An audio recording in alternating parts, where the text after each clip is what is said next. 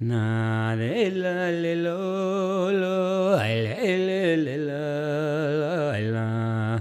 Na le la le lo lo le la le lo ai la.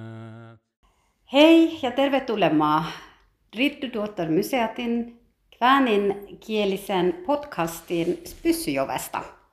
Täpänä me istumaan täällä Kväänin instituutissa ja minun vierhana on Jan Daaleng. Ja Jaan, muisteleko vähän itses ympäri, että oleko sie Pyssyjovesta pois? Joo, minä saan muistella vähän sen.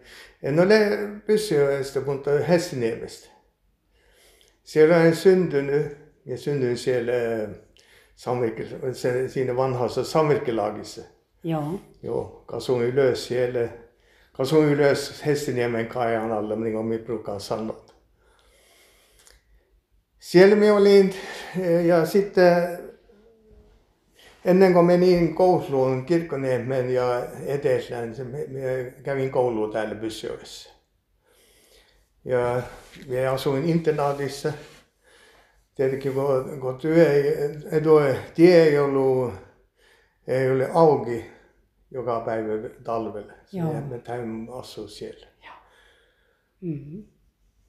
Ja se on tuo internaatti, mikä vieläkin on Joo, tuolla se on Joven tässä. toisella puolella. Joo, justiin. No mihin siellä sitten koulun jälkeen lähit? Minä kävin koulua siellä Trondheimissa. Mä olin, niin kuin sanoa suomeksi, yli, ylioppilas, studentti siellä NTHs. Mm. Ja tulin sitten insinööriksi. Ja olen asunut etelässä nyt äh, heti 50 vuotta. Mutta minä olen täällä melkein usein, tietenkin, nyt. Minä olen nyt pens- pensionisti. No siehän olet äh, kans tässä äh, Kainun instituutin styyrissä myötä. Joo, olen. Se olet styyrin johtaja. Joo, nyt olen. Ö, mutta emme, emme, emme tiedä, olenko nyt jälkeen kesään. Si- si- Silloin on vaalit. Mutta minä olen ollut nyt neljä, heti neljä vuotta Styyrissä. No minä olen ymmärtänyt, että sinulle on tärkeä tämä Kväänien historia ja se, mitä on vanhasta ajasta säilynyt nykypäivään. Ja sulla on useita projekteja kanssa Joo. sen ympäri. Muistelepa vähän.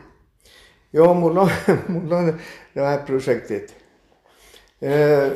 seal enne, seal Kajalaadal Hessiniemes, seal oldi nämä pienet huoneet, missä püsiolaiset, need, need, need lugenti sota, sota huonolla ja pyytäjät.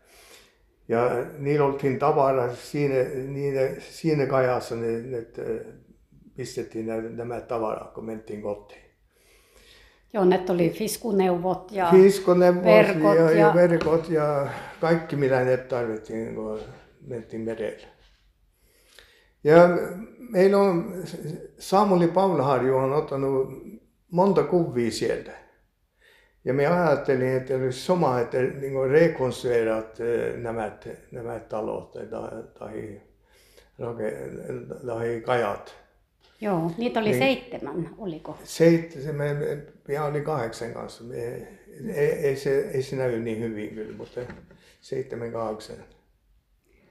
No sinä olet jo alkanut sen projektin. Joo, minä olen laittanut yhden. Ja, ja me, me saimme vanhan ven, venheen sieltä Alatiasta menen vuonna.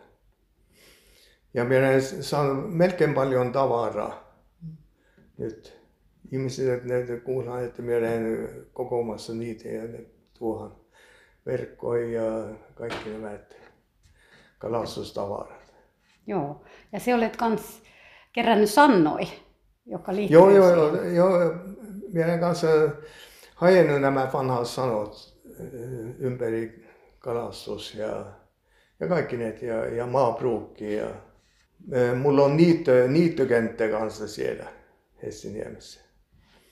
Ja, ja nyt olemme laittamassa eh, pajaan tänne. ja me olemme rakennut, ei ole valmis vielä, mutta kevään se pian me, me olemme valmiit. Ja sitten, sitten me laitamme kuustin. Paja, paja homma kuusi. Joo, se tulee tähän äh, instituutin kentälle. Joo, tänne kentälle. Tähän ulkopuolelle. Joo, joo, just. Ja se on semmoinen niin sepänpaja, Se mitä sepä, rauttaa. Rautasepän paja. Joo. joo. No tuleeko sinne se ahjo, se mitä vanhan aikaan lämmitettiin? Joo, joo, me laittaa että kaikki ne, niin kuin Joo. ne oltiin ennen. Aiotaanko sitä käyttää kanssa? Minä ajattelin, että jos, jos yksikään täällä tykkää, että, että tehdä jotakin siellä, se, se on auki. Joo, ja se tulee nyt valmiiksi tänä vuonna Me kesällä. teemme, joo, meillä on plana, että valmistetaan se, sen nyt kesään. Tuleeko se ennen kipparifestivaalia? Ennen kippari pitää olla valmis. Joo, eli Mutta- kaikki, jotka tulee kipparifestivaalille, saapi nähdä sen. joo, joo, näitä. Ja, ja, ja, ja, ja sitten pari päivää ennen me, me laitamme kurssin. Joo, ja siellä Ja, tä, ja tänne tulee tämä Rautaseppä Pirtavaarassa, Hans-Erik Olsni. Niin kuin, niin kuin lääkäri. Joo, joo. Montako paikkaa, montako ihmistä siihen saapi tulla myötä? Ei, ei, ei, ei niin paljon, ei niin monta kyllä. Joo. Pian 90. Joo, joo. Tietenkin se, meillä ole, ei ole sijaa siinä ja, ja hän ei tykkää, niin onko, että on liian, liian monta. Joo, joo. No siihen saapi sitten tuota, tulla myötä, jos, jos tuota, ottaa sinun yhteyden ja Joo. rinkaa sinulle, niin Joo, saapi paikan vai? Joo, joo, joo. Kainun instituutissa olemaan justin laittamassa ylös tätä näyttelyä, jonka nimi on Kväänit Porsannissa. Ja sinä olet kanssa ollut myötä tässä näyttelyssä ja, ja, ja sinunkin, sinusta on tehty yksi tämmöinen plakaatti, jossa on kommea kuva ja siinä on kvääninkielistä tekstiä, missä sinä muistelet vähän itsesi ympäri. Ja minä haluaisin vähän kysyä sulta, että minkälaista se oli olla mukana tässä, kun kysyttiin myötä, että lähetkö mukaan tähän näyttelyyn? Ei, minä muistelin vähän sen ja se, siinä on kirjoitettu jotakin. En minä muista mitä, mitä se on siinä plakaatissa nyt enää, mutta oli samaa kuvaa. Joo, sinä muistelet vähän, että kuinka tärkeä se kväänin kieli on ollut sulle läpi elämän. Ja vaikka sinä asut Etelä-Norjassa, niin sinä aina tulit takaisin tänne Hestoniemään. Joo. Me asuin siellä, niin kuin sanoin, että asuin siellä 50 vuotta, ja, mutta me käväsin täällä muutamasti. Nyt, olen, nyt kun olen pensionisti, me olen täällä usein. Mutta minä ajattelin, että jos en, jos en puhu kväänin kieltä, kun olen täällä, sitten, sitten minä unhetan kaikki. Minä olen unhetanut paljon sanoin nyt, mutta se on siellä takakallossa jotakin jossain paikassa. Ja minä rupesin puhua, kun tulin kotiin tänne, minä puhuin käänin kieli nämä kaverin kanssa. Ja, ja sillä lailla minä säilytin kielen melkein hyvin. Miltä se nyt sitten tuntuu, kun, kun laitamme tämän ylös tänne Pysyjoken ja, ja kyläläiset saapi tulla katsomaan tätä näyttelyä, niin mitä sie, siitä ajattelet? Ja se on, se on hyvä, että, että nyt ihmiset, jotka elävät vielä, että, että ne saa muistella vähän sen. Ja, joo, ja että ihmiset, kun tullaan tänne kylään, että ne saa, saa meidän historiaa ja millä me, meillä oli ennen. Joo, sitten minä vielä vähän pyydän sinua muistelemaan, että, että kun sinulla ja instituutilla on ollut paljon niin yhteistä työtä museumin kanssa, tämän Porshangin museumin kanssa tässä vuosien saatossa monta, silloin ennen koronaa varsinkin. Joo. Että meillä on ollut, tässä on ollut tämä jokivene, venhen rakennus kurssi ja sitten meillä on ollut, on ollut sitä vanhaa hirsisahausta tässä kentällä ja, ja tuota, sitten meillä on semmoinen jokivenet treffikin aina tuolla Lemmijovessa. Ja sitten aiomme tulla tänne Kipparifestivaalille kanssa näiden venheiden kanssa. Oh, joo, joo. Niin oletko siellä ollut, niin kuin, onko sinusta hyvä se, että museo on tehnyt kaiken tämän? Ja onko se ollut hyvä se? Se, se on hyvä, että museoiden kanssa eh, niin kuin, eh, meidän historia on, ei, ei, ei näy niin hyvin. Se on, se mutta se on hyvä, että museon kanssa eh, on, on intresserat siihen. Että me, me, meidän kieli ja meidän historia, ei, ei, ei, koulukirjassa ei löydy just siinä vähän se. Ja, ja ihmiset edellessä, ei ne, ne sanoo mieleen kväänni, ne kysyy, että mitä se on kväänni, mikä se on, on, on, on Lappi vai Saami vai mikä se on. Ei ne, ei ne tiedä ollen meidän historiasta. Se on hyvä, että, että, että museumi täällä on, on ottaa tämän kanssa nämä historiat sinne. Joo, tämähän, tämä Kväänit Porsangissa, tämä näyttely on ollut useassa paikassa äh, esillä niin Finnmarkussa. Se on ollut semmoinen turnee kiertänyt tämä näyttely. Joo. Ja, ja monet on ihmiset, jotka on tullut katsomaan, niin he on saanut paljon tietoa Kväänistä. Onko se sinun mielestä hyvä? Joo, se on se, me tarvitsemme, että, että nä- näyttää meidän kulttuuri. No, kun sinä ajattelet vähän ethen käsin, niin mitä pitäisi tehdä, että Kvänen kulttuuri ja kieli säilyisi tulevaisuuteen? Joo, että ki- kieli puh, ne puhua kieli. Ja, ja nuoret ihmiset, lapset, jos, jos ne opettaa täällä, se on, se on, se on kanssa, hyvä. Minä olen freistanut me, me, minun poikille, minulla on kolme poikaa ja minä olen freistanut opettaa vähän sen, mutta siellä etelässä ei yksikään puhu käänin kieliä. Se, ei se, mutta täällä pian Lemmiössä ja Pysjössä ja siinä käänin paikassa, Finnmarkossa ja Tromsassa, se kyllä pian säilyttää, että pian meidän historia säilyy ja, ja kieli säilyy. Se on hyvä. Joo, minä pidän kanssa, että se on tärkeä asia. Ja tuo, että siihenkin näet, että ne lapset on se tulevaisuus. Että Joo, heihin pitää, Joo, heitä pitää siihen äh, tuota, kannustaa ja tehdä kaikki, että lapset haluaisi oppia käänin kieltä. Joo. Ja että se, se on eh, semmoista eh, kielimiljö. Se, se, se pitää olla. Jos ei ole se, ei, ei, ei, ei, lapset ei, ei puhuta olleen. Että niin kuin, tiedät ja puhu käänin kieli yhteen. Joo. No sitä sanothan, että tämä Pyssyjoki ja miksei Hesta, Hesteniemi ole kans niin tämä kväänen kielen kehto. Oletko samaa mieltä? Joo, kyllä.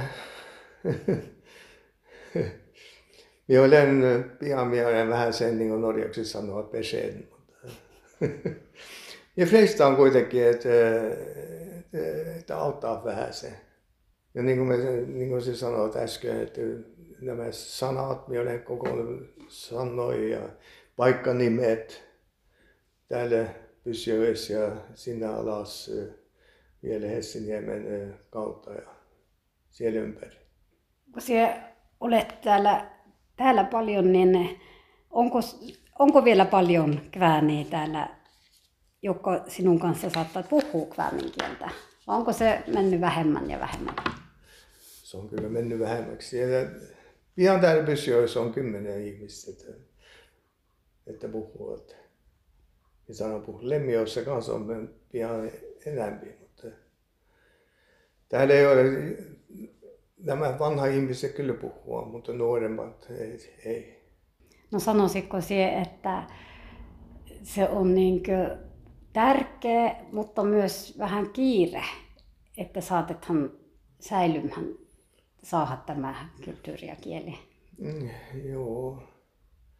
Tietenkin me, me, me opimme, emme, emme opin kirjoittaa meidän kieltä täällä. Se, jos olisimme opettanut kirjoittaa, se, en minä saa kirjoittaa olleen. Mutta minä en freistanut, mutta se pian on, että pidis, ihmisen pitäisi opettaa, että kirjoittaa. Se, joka, on, joka nyt vielä puhuu meidän kieltä. Mm. No Alf Nilsen Börskuk, joka ensimmäisenä kirjoitti Kvääneen kielisen romaanin, oli no. just hän Pysyovesta oli. kans pois. Oletko lukenut hänen kirjan? Joo, olen, olen lukenut, mutta ähm, minun, minun mielestä se on melkein raskas, että ymmärtää kaikki. Mutta se on, on joo, minä olen, minä olen lukemassa. No sitten loppuun saatethan äh, vähän puhut siitä, että mikä sinut tekee iloiseksi, kun sinä tämän historian kanssa työtelet? Mitä, minä, niin, että joka, mistä sinulle tulee hyvä mieli? Joo, hyvä mieli tulee, kun minä, kun minä laitan nämä huoneet ja, ja, ja, ja koko sanat. Ja minä näen, että, että ihmiset, ne, ne, ne tykkäävät, että, että minä olen, minä olen intresserad siihen. Ja joo, täällä on monta, että sanoo, että joo, me täytyy tehdä sitä ja, ja koko nämä nimet ja kaikki. Mutta minä, minä, minä, että okei, okay, minä kirjoitan nämä. Jos sinä sanoo minulle, mikä tämä on, minä kirjoitan. Ja meidän fristannut säilyttää nämä vanhat sanat. Joo, ne niin häviää, kun ihmiset kuolee ja menee pois, niin ne häviää ne sanat, jos ei niitä joo, enää käytetä. Joo. Ja mie kun me tulin vanhaan, pian mie muistan työkäänin kielissä. Mutta mie, muutamassa mie ajattelen niin käänin kielellä. Se on, se, on, se, on, se on sama. Mm. Tietenkin mie, me kasuin ylös Helsinginiemessä ja, ja siellä meidän, meidän talossa me puhun molemmat Norja ja, ja Kväni. Ja Pyssiöissä, kun me, me tulin tänne, kaikki nämä pojat, kaverit, ne puhuttiin käänin Se oli silloin vielä elävä, elävä kieli. Silloin, silloin oli elävä kieli. Joo. Mutta kymmenen vuotta jälkeen se, se kaikin täällä puhuttiin norjaa. Se, se kieli, se, se meni jälkeen, kun minä, kun minä lähdin täältä ja tulin takaisin viisi tai kymmenen vuotta jälkeen, nämä nuoret ei puhuta puhuttiin se meidän kieltä. Joo. No nyt ainakin kun laitamme tämän näyttelyn ylös, niin tältä sappii lukeet Kvännen sannoja muisteluksi ja nostetaan framille näitä persoonia täällä, jotka on tehnyt paljon eh, kulttuurin ja kielen hyväksi. Joo. Ja tänne kuttuma myös sitten lastentarhan ja koululapset katsomaan tätä näyttelyä oh, ja, selvitämme joo. heille kväänneksi. Mm. No tähän loppuun me sanomme vain, että paljon kiitoksia Jan, Joo. että sinä tulit täpänä myötä tähän podcastiin. Ja täältä päättelemme lähetyksen.